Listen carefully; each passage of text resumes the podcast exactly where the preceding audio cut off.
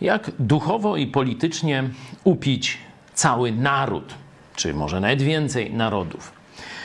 Komuniści ci leninowcy myśleli, że kiedy zdobędą władzę, zniszczą religię, tam chodziło o cerkiew prawosławną głównie, ale także o część katolicką czy protestancką, która na terenie Rosji się rozwijała, to naród bez religii pójdzie już za partią tym równym pierwszomajowym pochodem.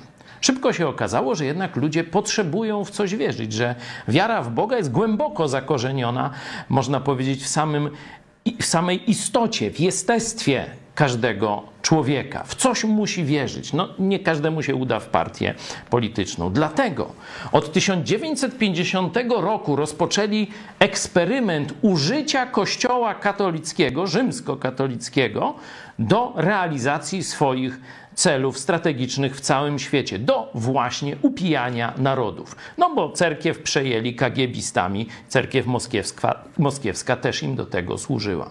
Czy znajdziemy jakiś biblijny, e, można powiedzieć, zapowiedź takiego użycia e, przejętego przez diabła kościoła?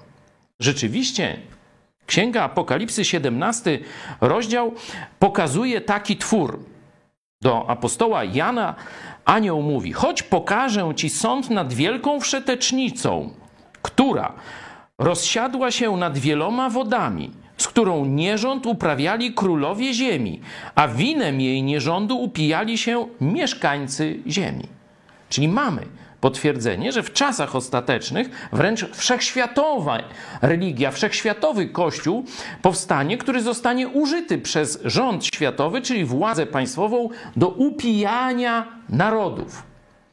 To może być złe zastosowanie Kościoła. Ale w drugim liście do Koryntian, w trzecim rozdziale, znajdujemy dobre zastosowanie Kościoła. I o tym zastosowaniu mówił Mike Pence, kiedy był ostatnio w Warszawie.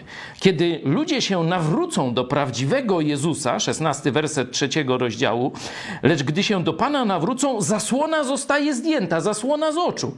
Czyli ludzie zaczynają widzieć, a Pan jest duchem. Gdzie zaś duch pański, tam wolność. Prawdziwy Kościół Jezusa Chrystusa prowadzi ludzi do właściwego oceniania rzeczywistości, prowadzi ludzi do wolności. Fałszywy do zniewolenia i podporządkowania władzy globalistycznej.